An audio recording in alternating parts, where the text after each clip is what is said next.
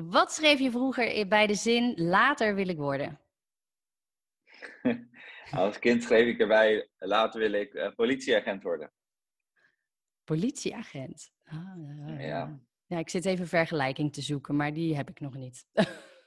Met wat je nu doet. ja, nee, dat, die, dat is ook niet direct hoor. Ik, nee, soms uh, is dat er dus. Ik was wel altijd uh, veel met bewegen bezig en sporten. En uh, ja, ik weet wel dat ik als kind dacht, nou dan ga ik zorgen dat ik heel erg snel word en heel veel boeven kan vangen. Dat was mijn uh, beleving als kind. Ja, tegenwoordig hoef je, het werkt dat natuurlijk allemaal een beetje anders met, bij de politie. Maar, ja. ja. Ik heb wel een beetje de overeenkomst, een beetje avontuur. Dat zit er wel in bij jou volgens mij. En ook bij de politie. Ja, dat denk ik wel. Ja, ik heb dat zeker wel. Ja. Wat is je favoriete quote? Mijn favoriete quote van mezelf of van iemand anders? Um, nou, die, dat, wat jou heeft geïnspireerd. Oké. Okay. Ehm, wacht, ik, ik wil hem daar eigenlijk even bij pakken. Ja, dat is goed. Vind ik dan leuk. No amount of security is worth the suffering of a mediocre life, chained to a routine that has killed your dreams. En die is van Maya Mendoza. Ja. Ja, en wat ik gewoon heel erg mooi aan vind, is dat het voor mij heel erg beschrijft. Um, nou, eigenlijk wat zegt van dat, dat er geen, uh, eigenlijk geen veiligheid of zekerheid is die uiteindelijk het, uh, ja, het lijden waard is van uh, een middelmatig leven. Dat je leeft in een routine die uiteindelijk je, je dromen kilt. Ja, voor mij beschrijft het gewoon heel erg het proces waar ik in de afgelopen vijf jaar ja. in heb gezeten. Ja. Um, want ik voelde me heel erg vast in een, in een routine. ook eigenlijk een beetje gevangen in een routine. Mm. van een kantoorbaan, werken met, een, met mijn studie. Het pad wat ik eigenlijk al jaren aan het volgen was, maar waarvan ik eigenlijk altijd al voelde, ja, dit is niet helemaal mijn pad. Nee, ik doe dit niet omdat dit mijn dromen zijn. Dus ik vind dat een hele mooie, hele mooie quote. Zeker. Dat voor mij heel veel in zit. Ja, ja snap ik. Als alles mogelijk zou zijn, zou ik.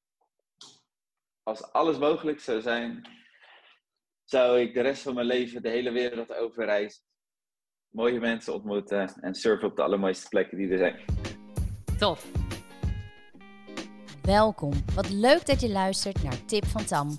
We denken vaak dat onze dromen alleen voor die ander zijn weggelegd. Maar is dat wel zo? Of ligt het aan de keuzes die je zelf maakt? Aan de mogelijkheden en kansen die je wel of niet pakt? Heeft niet iedereen struggles? En heeft niet iedereen bepaalde angsten die ze moesten overwinnen? In deze podcast ga ik, Tamara, in gesprek met die persoon die zijn droom wel achterna is gegaan. Welke stappen hebben zij afgelegd om uiteindelijk het avontuur aan te durven gaan? En deze keer hoor je het verhaal achter Willem Hoofd. Als er iemand een inspiratie is om te laten zien dat je nooit moet stoppen met dromen, is hij het. Op zijn 26e kwam zijn leven volledig op zijn kop te staan en belandde hij in een nachtmerrie. Door een heftig motorongeluk liep hij een dwarslesie op en belandde in een rolstoel. En hoewel hij slachtoffer was van een ernstig ongeval en dus genoeg redenen had om in te storten, ging hij op zoek naar wat er wel nog mogelijk was. En dat is meer dan hij waarschijnlijk kon bedenken op dat moment. Hij werd professioneel zitkijter, schreef een boek over zijn verhaal, is spreker en zette een foundation op. Ik ben echt super blij dat hij te gast wil zijn in de podcast. Je luistert naar het verhaal achter Willem Hoofd. Yay! Welkom. Super cool, dankjewel. Graag gedaan. Ja, ik kreeg het boek van, uh, van een, een van mijn beste vriendinnen. En zij is een oud collega van jouw moeder. En zei: Tam, dit moet je lezen. Ja, en ik wist eigenlijk meteen, jij moet te gast in mijn podcast. Dat wil ik. En um, uh, ja, ik heb je boek echt in twee avonden uitgelezen. En uh, ik vond het zo indrukwekkend dat ik dacht, ja, eh, dat verhaal moet opgenomen worden. En uh, ik belde jou of mailde jou. En nu zitten we hier. Dus, uh... Ja, hartstikke leuk. Leuk om ja. te gast te zijn. En ja, grappig hoe dat dan ook weer samen is gekomen via een collega van, van mijn moeder van vroeger. Ja. Dat een kleine wereld, zie je dan maar ja. weer. Ja, zeker. Ja. Kan je ons mee terugnemen naar het, jouw verhaal voor je ongeluk? Want ik kan me voorstellen dat het een soort van twee werelden zijn die nu met elkaar verweven zijn, maar dat je soms wel eens terugdenkt naar mijn leven voor dat ongeluk. Nou, het klopt inderdaad. Het, het voelt op een, een of andere manier. Ja, je zei het net in de introductie natuurlijk al. Ehm, maar vijf jaar geleden heb ik een heftig motorongeluk gehad. En sindsdien dat ik in een rolstoel zit. Ja, en het voelt echt alsof ik sinds dat moment opnieuw geboren ben in een nieuw lijf, bijna. Ja. En echt alles opnieuw heb moeten leren. Ehm, dus het leven voor mijn ongeluk, om het zo maar te zeggen, ja, dat voelt, dat voelt soms wel echt heel ver weg. Als in dat het echt ja, bijna als een vorig leven voelt soms. Mhm. Ehm, ik heb alle herinneringen nog wel heel vers in mijn, in mijn hoofd zitten. Alleen, ehm, ja, omdat er toch minder herkenning is in uh, de dingen die ik nu doe, ja, merk ik dat ik er niet eens zo heel vaak aan, aan terugdenk als, als ik misschien gedacht zou hebben vijf jaar geleden. Nee. Mijn leven gewoon heel erg ja, opnieuw vorm heb gegeven nu. Ja. En wat was jij op dat moment aan het doen? Op je 26ste? Hoe zag jouw leven er toen uit? Nou, ik woonde toen tijd in Amsterdam, in het centrum. In een uh, grachtenpandje op vier hoog. Klein kamertje. Ja, niet roze toegankelijk. maar uh, dat hoefde toen ook niet gelukkig. Nee. En uh, uh, ik werkte bij, bij Tata Steel in IJmuiden. En elke ochtend op de, ging ik op de motor vanuit Amsterdam daar naartoe. En ik was vooral hard aan het werken aan mijn carrière daar als, als engineer. Ik deed in de avonden en de weekenden een masteropleiding. Eh, ook in engineering. En ehm, ja, daarnaast was ik eh, veel met eh, sporten bezig. Ehm, het liefste windsurfen. Daar was ik toen fanatiek mee sinds een aantal jaar. Um, alleen ja, eigenlijk door het drukke leven wat ik had met mijn werk, merkte ik wel dat ik steeds minder tijd had om dingen te doen als surfen of met vrienden afspreken. Ja. En ja, ik had ook een, toen een tijd een, een leuk meisje ontmoet. Daar was ik anderhalf jaar mee samen toen ik het ongeluk kreeg. Dus ja, dat was een beetje hoe mijn leven eruit zag toen. Ja, dus je, eh, nou ja, je, je stond echt vol in het leven, maar je werd ook geleefd door en je werk en hard werken en carrière maken. Want waarschijnlijk wilde, was je die opleiding aan het doen om nog weer een stapje hoger op te gaan. Ja, klopt inderdaad. Ik, ik ben altijd wel ambitieus geweest. Dat als ik ergens voor ga, dan wil ik er uh, echt goed in worden, al dan niet uh, misschien wel de beste. Ja. Uh, en zo met carrière had ik, dat, had ik dat ook. Dat ik wel echt nou, mijn maximale potentie daaraan aan het geven was.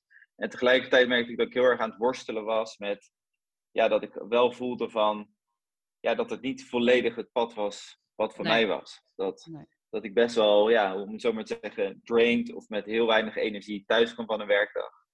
Um, ja. ja. terwijl ik ook mensen om me heen zag die een ander beroep deden, maar bijvoorbeeld ook moe waren na een werkdag, maar ook heel erg opgeladen en geïnspireerd waren. Ja, ja. En wat was dan op dat moment de reden dat jij um, niet dat aan ging pakken om iets anders te doen, bijvoorbeeld? Of om het anders te doen? Nou, ik denk twee, twee redenen. Eén eh, is dat ik niet helder voor me zag van, maar wat wil ik dan wel? Dus ik had zoiets van, als ik dat niet weet, ja. Dan kan ik maar beter doorgaan met wat ik nu doe. Want hier ben ik goed in en het, uh, nou ja, ik verdien er een hoop geld mee. En dan kan ik uiteindelijk daar wel leuke dingen mee doen, waarschijnlijk. Ja. alleen dat is herkenbaar. de vrije tijd om die leuke dingen te doen, die, die werd steeds minder. Ja. Hè? En uh, anderzijds, uh, ja, denk ik toch ook een stukje veiligheid of zekerheid van het hebben van een vast contract en een, uh, en een werkgever die voor je zorgt. Ja, ehm, ja dat is een stuk veiliger dan dat je echt het avontuur gaat opzoeken en uh, wellicht ook uh, een vast contract loslaat. Ja, ja, klopt. Ik denk dat heel veel mensen dat, uh, dat herkennen. En zou jij, zou jij kunnen vertellen wat er dan die dag gebeurde dat, dat bij jou alles veranderde? Wil je, daar, wil je dat vertellen? Ja, ik wil er wel iets over vertellen. Um, want het was op 22 december 2016. Mm -hmm. Dus het is vlak voor kerst drie, drie dagen voor kerst. En ik reed uh, op de motor naar mijn werk. Het was de ene laatste werkdag voordat de vakantie begon. De ochtend als alle anderen eigenlijk. Het was koud, een paar graden boven nul. En ik ja, reed dus vanuit Amsterdam naar IJmuiden toe. Dik ingepakt. En ik, uh, om uh, dan naar uh, Tata Steel toe te rijden, moet je het Noordzeekanaal onderdoor rijden. De tunnel, de snelweg. Ja. En um, plotseling voor die tunnel springt een stoplicht op rood. En ik werd door verrast, want je hebt wel eens vaker dat er voor een tunnel of een brug op de snelweg uh, stoplichten zijn. Maar dan zie je al kilometers van tevoren van die waarschuwingsborden. Uh, van pas op, langzaam rijden, 70, 50. Um, maar die had er nu niet aangestaan. Dus, dus wij komen gewoon op volle snelheid aangereden. En ik zeg wij, omdat er een aantal auto's om mij heen reden. Ja. Um, en de auto voor me die, ja, die remt en die laat gelukkig ook zijn rem weer los. Want ik dacht nog, met deze snelheid stoppen gaat nooit, gaat nooit lukken op een veilige manier. Um, alleen op het laatste moment uh, ja, maakt de automobilist voor mij alsnog een volle noodstop. Dus ik kon niet anders dan ook vol in de ankers. En ik voel allebei de wielen van mijn motor slippen. En uh, ik denk nog bij mezelf, alsjeblieft, laat je rem los. Want de weg voor hem was helemaal leeg. Maar dat deed hij uh, helaas niet. Hmm. Dus ik, ik, heb de, ik heb hem geschampt aan de zijkant van de auto. Gelukkig niet met hoge snelheid, want ik stond al bijna stil. Uh, maar ik verloor wel mijn evenwicht en ik, ik viel opzij. En ik weet nog heel goed dat ik mijn handen uitstak naar de grond en bij mezelf dacht van... Gelukkig, weet je wel, dit Ja. loopt af met een uh, sisser. Dit had veel erger gekund. Uh, en precies op dat moment komt er van achter een auto aangereden die me alsnog met volle snelheid aanreed. Ja. Um, die mevrouw heeft later tegen de politie verteld dat ze uh, de stoplichten niet had gezien en ook mij als motorrijder niet gezien. En uh, dat ze uh, zo'n 90 km per uur reed toen ze tegen me aankwam. Ja. mijn motor had bijna niks, die lag gewoon nog op de grond daar. maar ik ben door die klap 41 meter weggeslingerd. En ehm, dus 41 meter verder op de weg neergekomen. Bizar. wat ik zelf weet is dat ik ineens een enorm harde klap voelde. Uh, nog nooit zo'n harde klap gevoeld in mijn leven. En het werd even zwart voor mijn ogen. En een moment later voel ik mezelf met een harde klap op het asfalt neerkomen. En het eerste wat ik dacht is, ik, ik, moet, ik moet de snelweg af, want er komen auto's aan. Dus ik wilde omhoog komen om, uh, om weg te kruipen naar de zijkant van de weg. Uh, en op dat moment voelde ik dat mijn lijf niet meer reageerde. En een moment later wilde ik ademhalen, maar ook dat lukte niet, want dat hoorde ik dan later. Allebei mijn longen waren ingeklapt. Dus ja, ik lag daar en ik voelde, er is nu niks wat ik kan doen. Nee.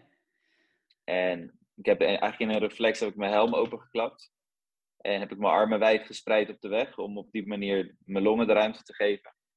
En uh, ja, gelukkig uh, hielp dat, want ik kon kleine, ineens kleine hapjes lucht uh, bin binnenhalen. Um, maar ik weet dat ik dood en doodsbang was. Ja.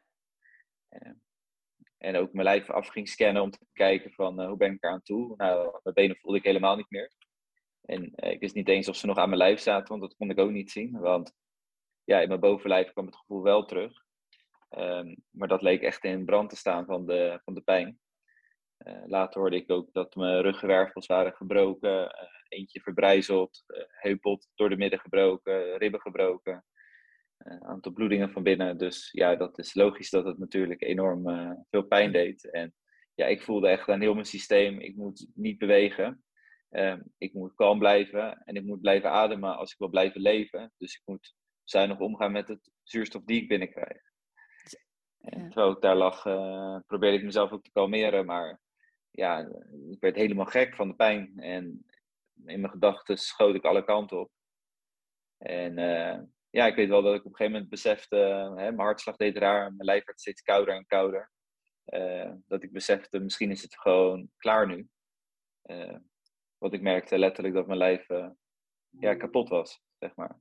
Ja. Ja, het leek een eeuwigheid te duren voordat uh, uh, de mensen bij me waren. Ja. En uh, ik uh, weet dat op een gegeven moment meneer zich over mij heen boog. En dat ik dacht van misschien kan hij, kan hij mij een beetje kalmeren of geruststellen. Weet je wel, meestal als er dingen mis Ja. zijn, dan is het van... Komt goed. Oh, het komt goed, valt wel mee. Dus Rustig. met het beetje lucht wat ik had, zei ik ook tegen hem van... eh, ik voel mijn benen niet meer. Ik ben bang, weet je wel. Ik ben bang, ik voel mijn benen niet meer. En met een lijkbleek gezicht zei hij tegen me... Ja, daar heb je ook alle reden toe, want het ziet er echt niet goed uit. Die man was natuurlijk ook helemaal in shock. Ja. Maar dat is Oh. natuurlijk het laatste wat je dan bent wil horen. Dus ik Ja. zo, ah, laat me Oh. maar weer alleen, weet je wel. Dat- Ja. nee, flauw. Maar op een gegeven moment kwam een traumahelikopter. En, ehm ehm en eh, ambulances ter plekke. Ja, en ik merkte eigenlijk vanaf dat moment dat ik me weer veilig voel. ja. Want eh, die mannen die gingen heel professioneel te werk. En ja, ook zij zeiden niet tegen mij van uh, alles komt goed en rustig maar. Ik merkte aan hun ook echt dat het, uh, dat het menens was, om het zomaar te zeggen. Ja. Uh, maar het was wel, die bleven heel kalm, die wisten wat ze aan het doen waren. Een soort van presence.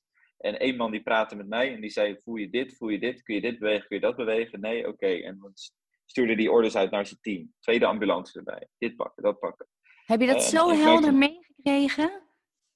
Ik, was, ik heb nog nooit zo'n helder moment meegemaakt. Bizar als, vind ik het. Het is bizar. Ja. Het is, ik heb daar achteraf heel vaak over zitten nadenken. Want je zou denken na zo'n enorme klap en uh, dat je zeg maar versust bent of verward bent of zo. Maar het is alsof iedere cel in mijn lijf voelde van ik moet nu met mijn volle aandacht erbij zijn.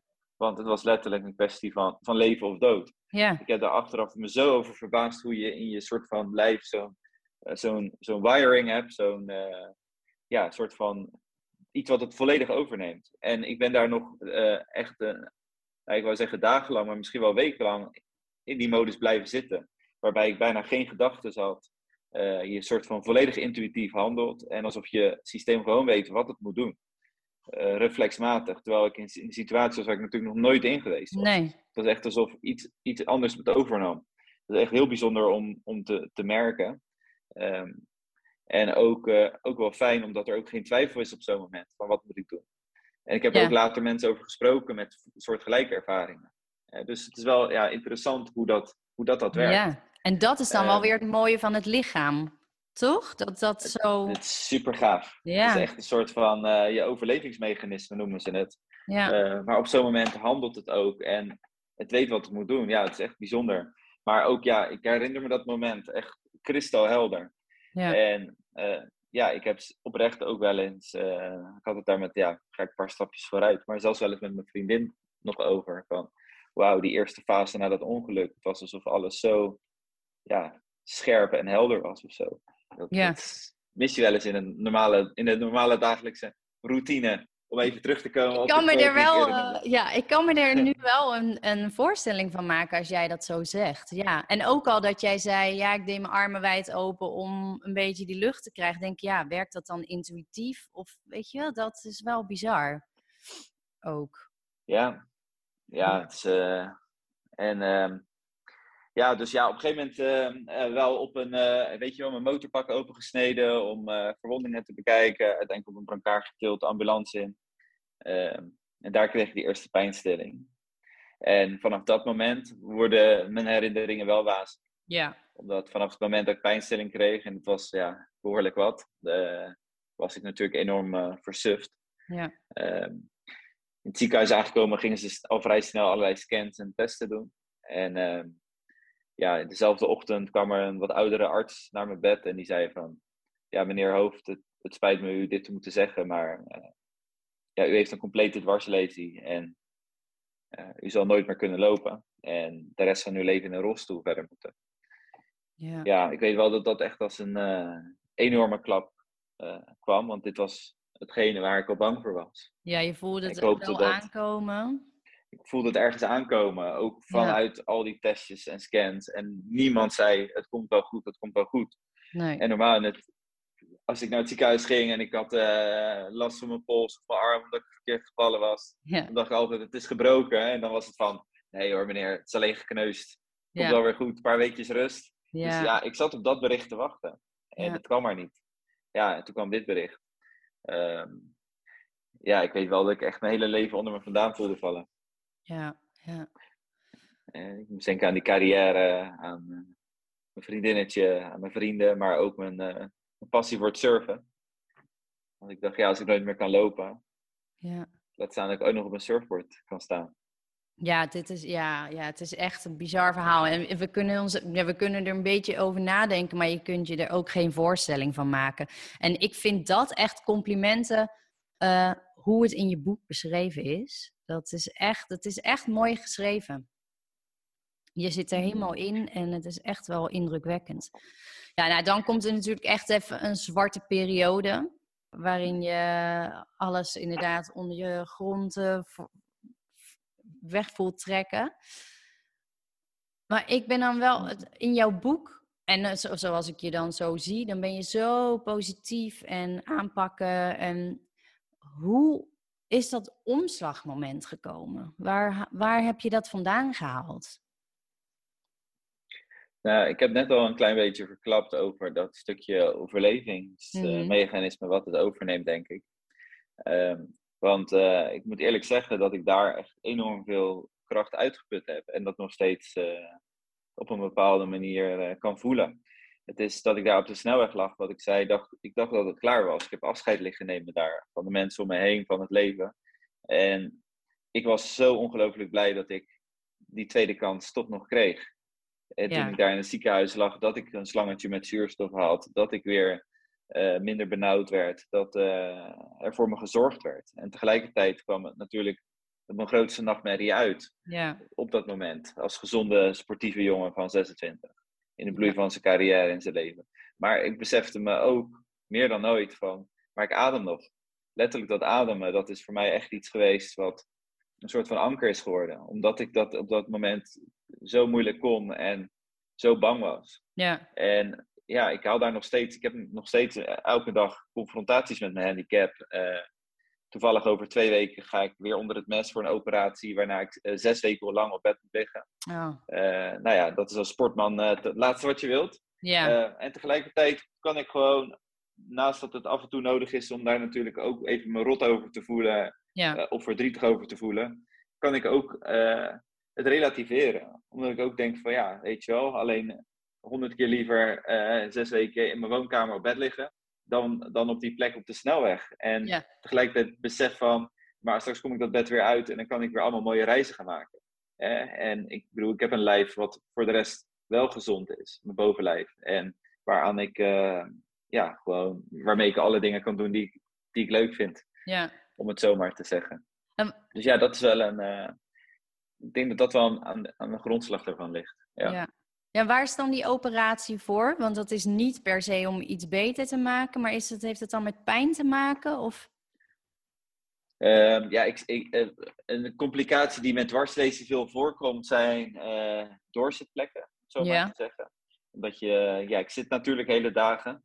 Ja, En ja, het risico is dan dat, dat, dat, je, dat de huid op bepaalde plekken minder goed doorbloed raakt, omdat er ja, de hele dag door druk op, op komt. Ja, op plekken waar het natuurlijk er niet voor gemaakt is. Ehm, En ehm, eh, ja, dus ik krijg, ik krijg daar een operatie aan, eh, aan, aan de huid, eh, om het zo maar te zeggen. De Ja. operatie is niet heel, heel ingrijpend, alleen het herstellen ervan, ja.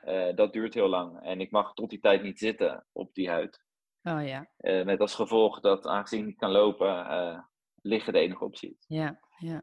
Dus dat, ik heb het helaas één keer eerder gehad, drie jaar geleden. Ja, toen ook zes weken lang op bed. Ja, dat is eh, niet, niet fijn, omdat Nee, voor de rest ben ik gewoon gezond.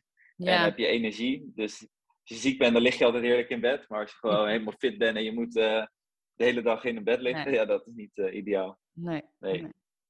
Nee, snap ik. Ja, en ja, je had het net al over, over dat overlevingsmechanisme, dat dat zo werkt. Maar als ik het me goed herinner, want het is nu een paar weken geleden dat ik het heb gelezen, was jij ook op het moment dat je op die snelweg lag, dat je echt al bedacht, oké, nee, ik moet bedenken waar ik dankbaar voor ben. Klopt dat? Was dat? eh Ja, zat dat dan klopt toch inderdaad. al wel in je ook.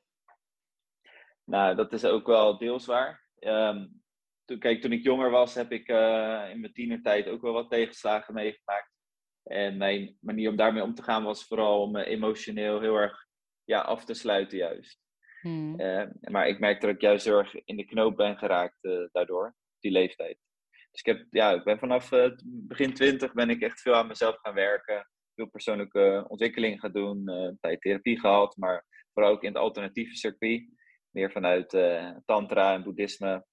Ehm, echt gaan leren voelen opnieuw, om het zo maar te zeggen. Ja, En ook geleerd hoe belangrijk het is om ja, emoties te blijven uiten, om het zo maar te zeggen.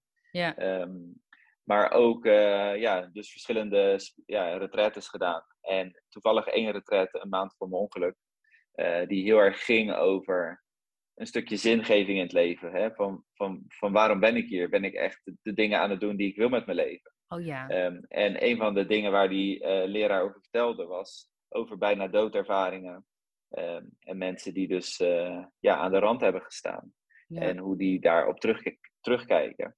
Ehm, ja, en toevallig een van de dingen waar hij ook over vertelde is echt leven vanuit dankbaarheid. En hij zegt, ja, je kan ja, ook op zulke momenten ehm, zeg maar heel erg in de weerstand gaan en vechten. En van ik wil het niet, of ik wil niet, ik wil niet sterven, ik wil niet dat het klaar is. Of ik wil, ehm, of je bent dankbaar voor wat je hebt gehad. En onderaan de streep maakt het niet uit, het is je eigen keuze. Maar de ene is wel een veel fijnere plek om vanuit te leven dan de ander. Ja. Even in een notendop. Um, maar het bizarre is dat dat natuurlijk een maand voor mijn ongeluk daar ja, een week lang echt non-stop mee bezig ben geweest. En ja, dat, dat kwam gewoon keihard omhoog in dat moment. Dus ik, ik zocht heel erg naar houvast daar op dat moment op de snelweg om mezelf te kalmeren. En ja, hoe kalmeer je jezelf als je in die situatie zit? Ja. Letterlijk. En dit popte ineens in mijn hoofd op. Dat hij dat zei van, weet je wel, als je het zelf niet meer onder controle hebt, je kan altijd kiezen, ga ik in de weerstand en ga ik vechten? Of, of, of laat ik los en ga ik in dankbaarheid? En ik weet dat ik daar lag. Dat ik denk, waar kan ik in godsnaam dankbaar voor zijn? als ik in deze situatie lig. Ja. En ja, ik weet wel dat ik toen naar de, de lucht aan het kijken was en naar de wolken. En dat, die, dat kalmeerde me. Ja. En ik weet dat ik heel erg dankbaar kon zijn voor de gedachte van ik, ik ben in Nederland en er komen straks mensen die me gaan helpen. Uh, er wordt straks een ambulance gebeld en er is hoop, zeg maar. Ja. Terwijl als ik nu ergens uh, als militair in het Midden-Oosten had gelegen of iets dergelijks, ik heb daar wel eens uh, in mijn tienertijd naar zitten kijken. Ja, dan had ik nu ergens in een warme woestijn gelegen op deze manier. En dan had het sowieso klaar geweest. Ja. dat, dat dat zo een gedachte was die dan door mijn hoofd ging, bijvoorbeeld. Wat natuurlijk, ja, uh, achteraf van hoe grappig dat zulke gedachten in je hoofd opkomen. Maar bizar. Uh, hoe bizar waardevol is dat geweest dan, die maand ervoor? Dat is... Enorm. Ja. Dat is echt een enorme houvast geweest. Heb je nog wel eens contact daarna ook? Ehm, sorry, ik ging door je heen. Nee, vertel maar. Ja, heb je contact daarna nog wel eens gehad met, uh, met die man die jou dat heeft uh, bijgebracht? Zeker weten, ja. ja. En ja, voor hem is dit ook echt een enorm, ja, hoe zeg je dat? Mooi, het was een mooi, heel mooi gesprek. Als ja. in, ja, het waren gewoon echt super waardevolle teachings die hij toen gaf. En ja, dat uh, het leek alsof het soort van uh, in mijn schoot werd geworpen om dat te mogen gaan toepassen in deze nieuwe situatie. Ja. Dus ook als het gaat over het stukje zingeving en het roer omgooien en ja, echt een nieuw leven te starten. waarbij ik wel echt ja, de dingen doe die ik, die ik echt vanuit mijn hart wil en niet meer het leven leef zoals ik denk dat ik het moet leven vanuit de buitenwereld. ja. Ja, echt, dat, is, dat is echt wel heel mooi. Je hebt er wel een hoge prijs voor betaald. Maar het is wel dat je dat ook weer door wilt geven aan anderen. Dat vind ik echt wel super mooi. En dat moet ook. heb jij dan, heb je, heb je wel eens dat je, kan, nou misschien heb je dat nu nog steeds, maar ik kan me voorstellen dat je het toen helemaal had, dat je wel eens irriteerde aan, aan mensen dat ze zich druk konden maken om van die onbenullige dingen. Dat je dacht, ja hallo, waar maak jij je druk om? ja, klopt. Nou, dat had ik voor mijn ongeluk ook al hoor. Dat ik, uh, ja, dat ja.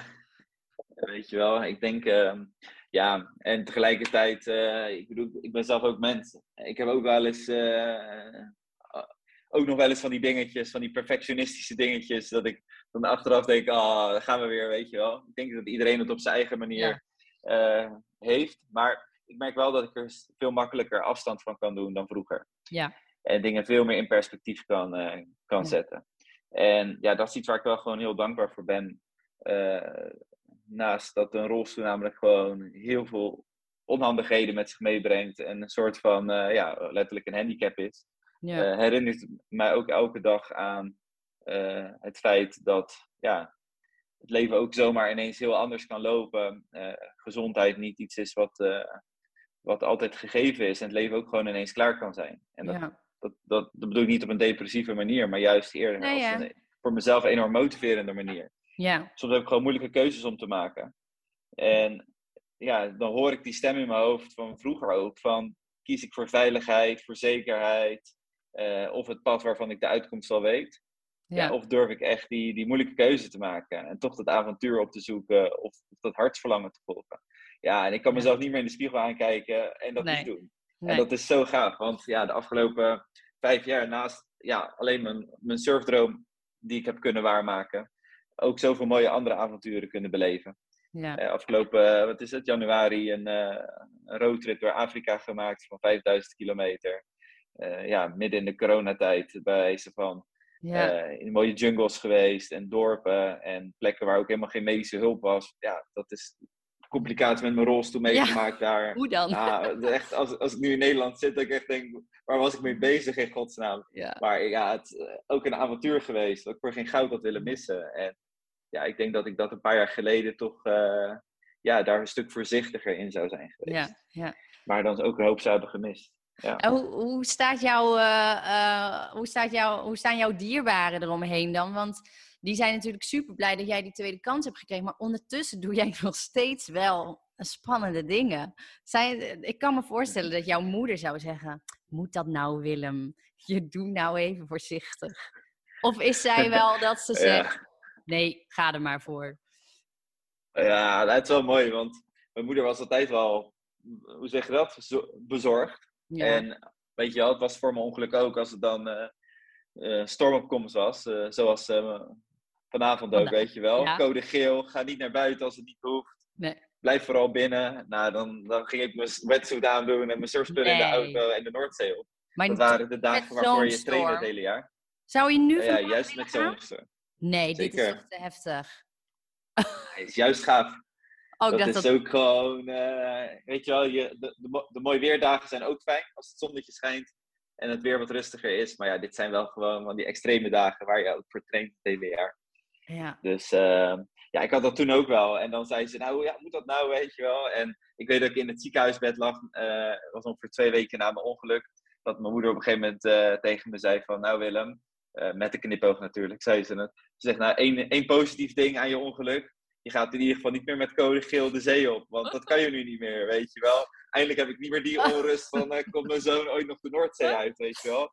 Nou, en vervolgens, uh, nu een paar jaar later, dat ik nou ja, nog veel wildere zeeën aan het kiten ben, maar dan zonder benen. Ja, we hebben daar nog wel eens lol om samen. Ja. Um, ja, en tegelijkertijd heeft het wel ook bij bijvoorbeeld haar, ja, dat, dat vond ik wel mooi dat ze dat ook aangaf, uh, ook tijdens het interview voor het boek, aan, uh, aan Hugo Verklee, die ook schrijver is van het boek. Ja. dat ze ook zo zei van ja, er is wel iets in haar ook veranderd daarin. Dat ze nog steeds wel die bezorgdheid heeft, maar ook ziet hoeveel energie het mij geeft en ook wat het effect op andere mensen met de dingen die ik doe. En ze zegt, ja, ik heb ook wel eens een verhaal gehoord van een vrouw die heel fanatiek was in, in, het, in de sport, in het skiën.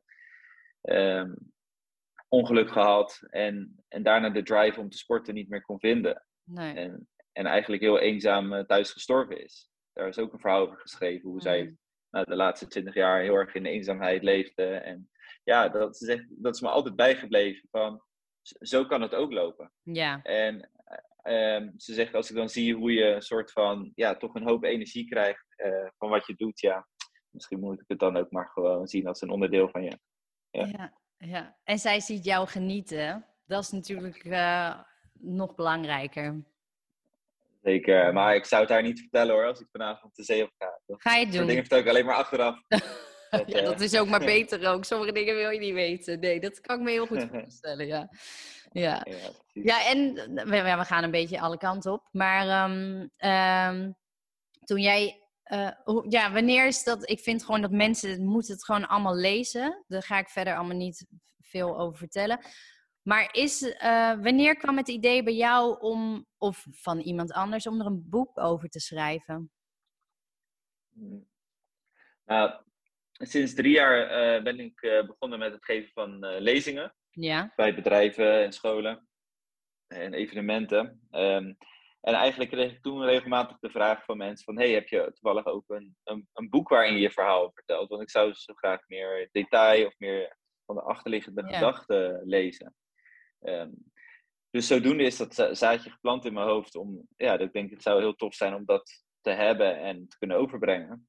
Uh, tegelijkertijd ja, was mijn leven op dat moment ook behoorlijk vol met, nou ja, hè, een, nieuwe baan als spreker, uh, met mijn surfcarrière, veel in het buitenland en een stichting net opgericht. Ja. Dus, uh, en ja, was ook wel mooi hoe dat samenkwam. Dat ik een, een op een gegeven moment een bericht ontving van Hugo Verkleij. Die is schrijver van meerdere boeken over sporters.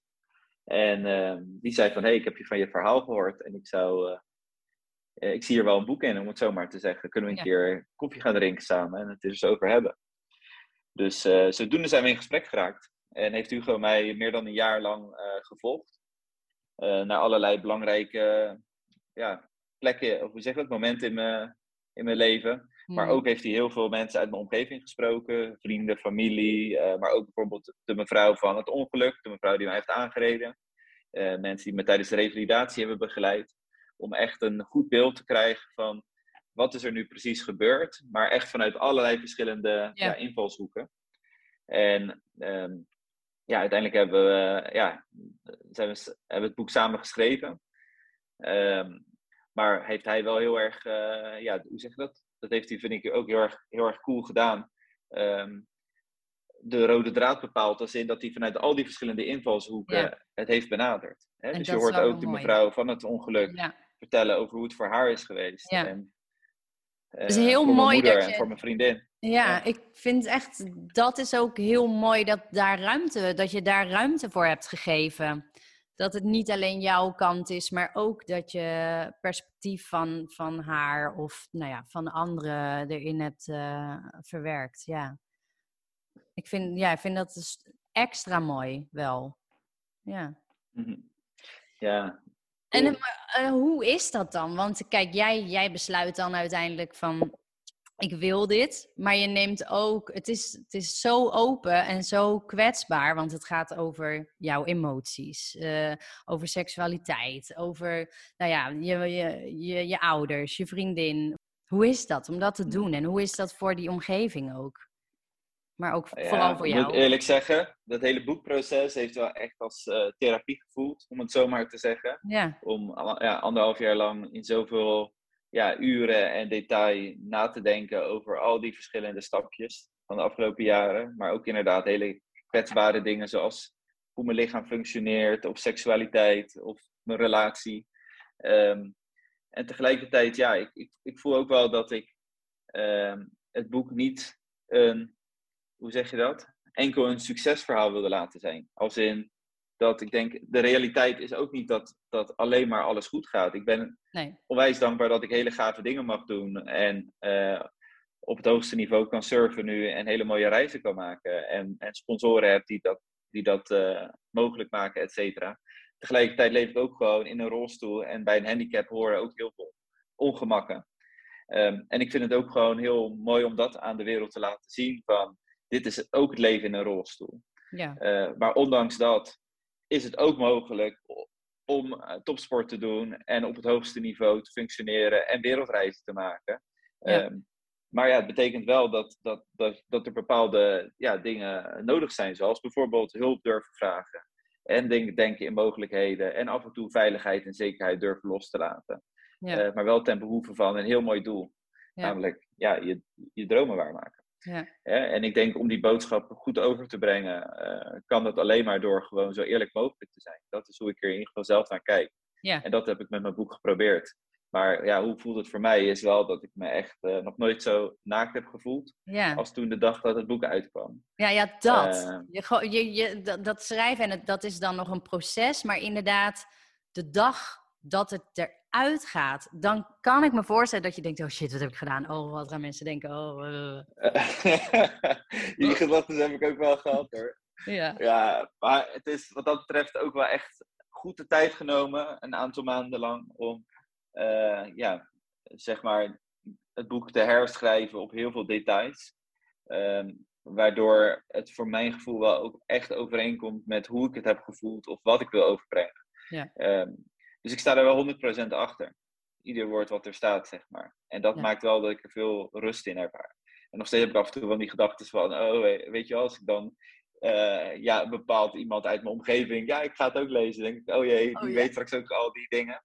En ja. tegelijkertijd, ja, ik heb ook zoiets van, ik, ik, ik, ik vind, ik vind ergens, ergens vind ik het ook niet meer zo heel erg. Ik denk nee. van, ik ben gewoon wie ik ben en ik hoef niet anders te zijn. En ja, ik, ik heb heel veel mooie reacties op het boek gehad. Vooral dat helpt denk ik heel erg. Ja. echt veel ook reacties gehad die mij zelf heel erg raakten. Van mensen met allerlei persoonlijke situaties die ze dan delen. En ook hoe het hun heeft geholpen. Ja, dat maakt het dan voor mij al helemaal waard om ja.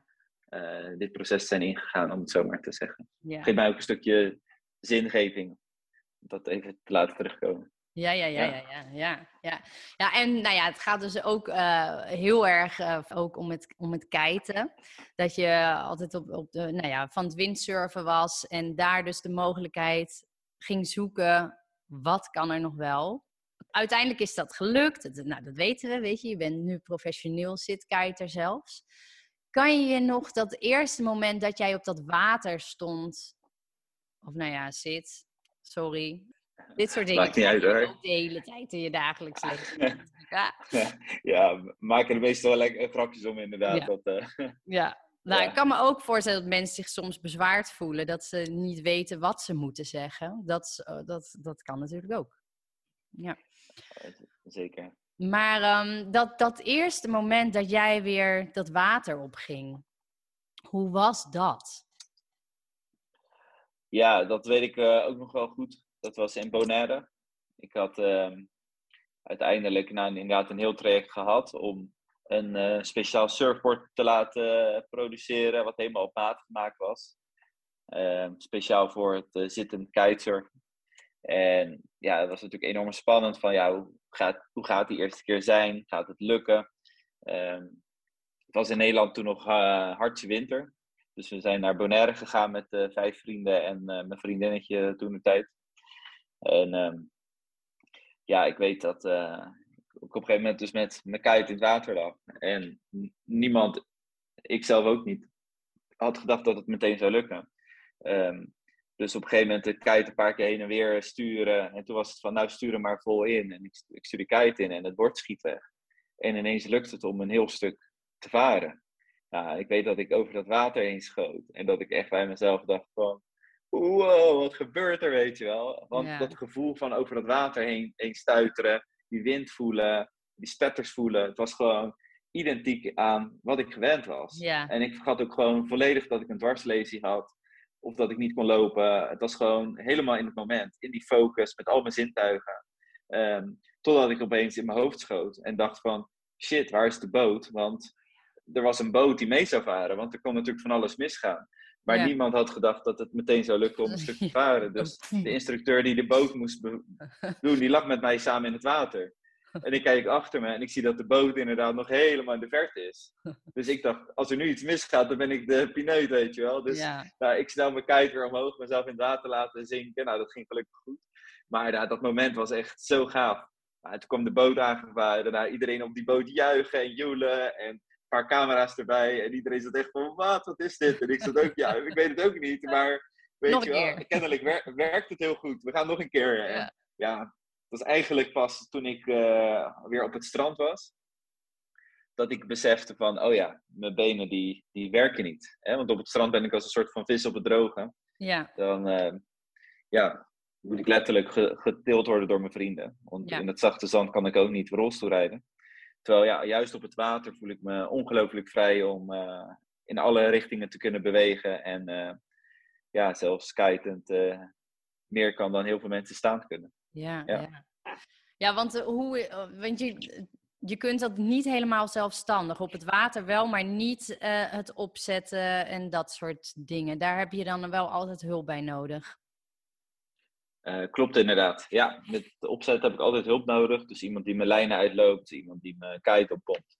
Ja. Um, en uh, iemand die me helpt met het strand uh, door het zand heen, zeg maar, naar, de, naar de waterkant. Ja. Um, dus ja, daar heb ik altijd hulp in nodig. Aan de andere kant hebben normale kitesurfers ook ja, altijd een beetje hulp van elkaar nodig. Want die, die, ja, als kiters onder elkaar vraag je altijd hulp met je vlieger oplaten en hem landen. Dus uh, ja, het zit best wel in de kiterscultuur om uh, elkaar dus ook een handje te geven. Dat ja. Uh, ja iedereen dat in enige mate nodig heeft. Ik heb alleen wat meer hulp nodig. Ja. Dus, maar ja, eigenlijk tot nu toe altijd wel bereidheid gevonden op het strand van mensen om te helpen. Ja, je krijgt ook gewoon een beetje extra respect natuurlijk. Dus dat, die denken, nou, wij helpen gewoon. Me meestal als mensen met het, uh, me met het bord op het strand zien aankomen, dan, dan is er al bepaalde nieuwsgierigheid, waardoor ik niet eens om hulp hoef te vragen. Ja. Maar ehm, ja, en anders dan uh, zijn mensen daar altijd wel bereid toe. Ja, is, wat is nou hetgene wat jij het meeste mist? Of, uh... Wat ik het meeste mis, is uiteindelijk toch wel een stukje uh, onafhankelijkheid. Ja. Dus, ehm, want ik, ik noem het al een paar keer hulpvragen. Ja. Dat is echt een, een, een, thema geworden sinds ik in mijn rolstoel zit. Um, want ehm, ja, ik was voorheen, uh, kon ik ook gewoon wel heel erg genieten van dingen zelf doen. Um, tegelijkertijd, ja, besefte ik me vrij snel, als ik het leven wil leven wat ik leuk vind, dan ga ik veel meer hulp nodig hebben dan vroeger vanuit de rolstoel. Um, ik kan ook heel veel dingen zelf, alleen uh, ja, dan wordt mijn leven wel veel kleiner. En dat wil ik niet. Dus ja, hulpvraag is wel echt iets waar ik uh, beter in ben geworden. Maar uh, ik blijf het ergens lastig vinden. Ja. En om een voorbeeld te noemen, straks lig ik natuurlijk weer zes weken op, uh, op bed. Uh, maar ik kan dan in huis hier letterlijk niks. Ik kan niet in mijn rossen zitten, dus ik kan ook niet naar de koelkast. Ik kan niet uh, eigen eten eten, ik kan niet boodschappen doen. Dus ik ben echt, ja, van eigenlijk, want ik leef normaal behoorlijk zelfstandig. Mm. ben ik voor die periode van zes weken ineens echt Heel volledig immobiel. Dus ja, dan, ik afgelopen week ook inderdaad uh, nou ja, bij de mensen in mijn omgeving, bij vrienden, bij uh, vriendinnen gevraagd van hey, uh, dit is de situatie en kunnen we een planning maken? Dat, ja, er moet elke dag hier iemand zijn. Ja. Dus dat is dan die hulpvraag die ik dan moet stellen. Maar ik vind dat soort dingen natuurlijk niet leuk. Nee. Ik doe het liever zelf. Ja. En ook, ja. en ook klussen in mijn huis en dat soort dingen. Ik doe dat nog steeds wel, maar ik, ik kan gewoon simpelweg niet alles zelf. En uh, ik vond het altijd wel heerlijk om te doen. Ja. ja, en dan moet je wachten. Want je moet, als jij iets meteen wilt, dan kan dat dus ook niet altijd. Je moet altijd wel even geduld hebben dan, uh, toch? Ja, nee, dat is zeker waar. Dat is echt. Uh, geduld wordt ben juist iemand die heel erg van aanpakken, zoals die jeuk in mijn handen. Echt. Ja. ik echt om me heen te kijken. Wel, ah, weet je wel. Ja. Maar ja, het is, uh, weet je wel, ik denk ook hiermee. Op zulke momenten kan ik soms wel echt even gek worden van mezelf. En tegelijkertijd ja, kan ik ook des te meer het waarderen als dingen wel lukken. Of uh, ja, ik zie het ook wel een beetje, je, waren jouw woorden die je eerder zei, maar zo voel ik het soms ook wel eens.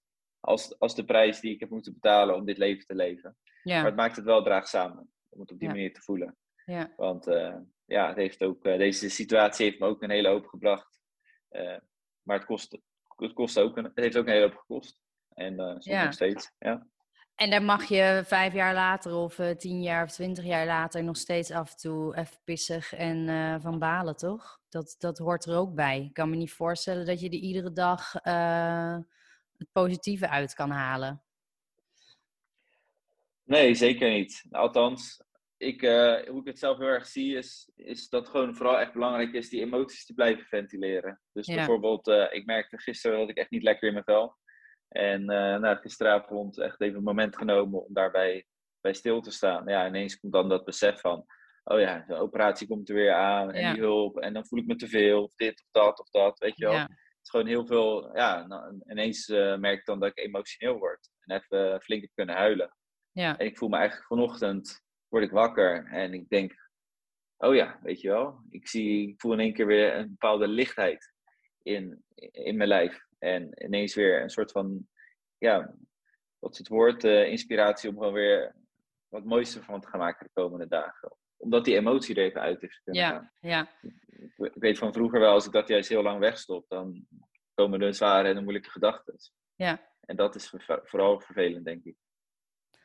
Ja, en naast dat jij dat natuurlijk hebt, waar je ook alle reden toe, uh, toe uh, hebt, dat, dat heeft, daar duwt iedereen natuurlijk ook wel weer gewoon mee met momenten Zeker waar. dat uh, balen. En dan inderdaad, als je dan even gaat zitten en relativeren van... Oh ja, ja, het komt hier of daardoor. Maar ja, we willen die rotgevoelens altijd wegstoppen, want dat willen we liever niet. Nee, zeker. Maar ja, dat is ook wel een van de dingen die ik in mijn boek uh, benoem ook van... Ja, ik geloof er heel erg in dat door de rotgevoelens te voelen... creëer je ook uh, space of ruimte voor jezelf om ook die fijne gevoelens ja. veel meer te kunnen voelen. Ja. Dat is in ieder geval de manier hoe het mij lukt om, uh, om positief te blijven, om het zo maar te zeggen. in, in mijn hoofd dan. door gewoon ook voldoende ruimte te maken om af en toe kut te voelen. Ja. ja. De een gaat niet zonder het ander. En ehm, ja, en wat je zegt, iedereen, ik bedoel, niet iedereen zit in een rolstoel, uh, maar wel iedereen heeft te maken met uh, tegenslagen waar je vaak niet zelf voor kiest, maar waar je wel ineens mee te dealen hebt.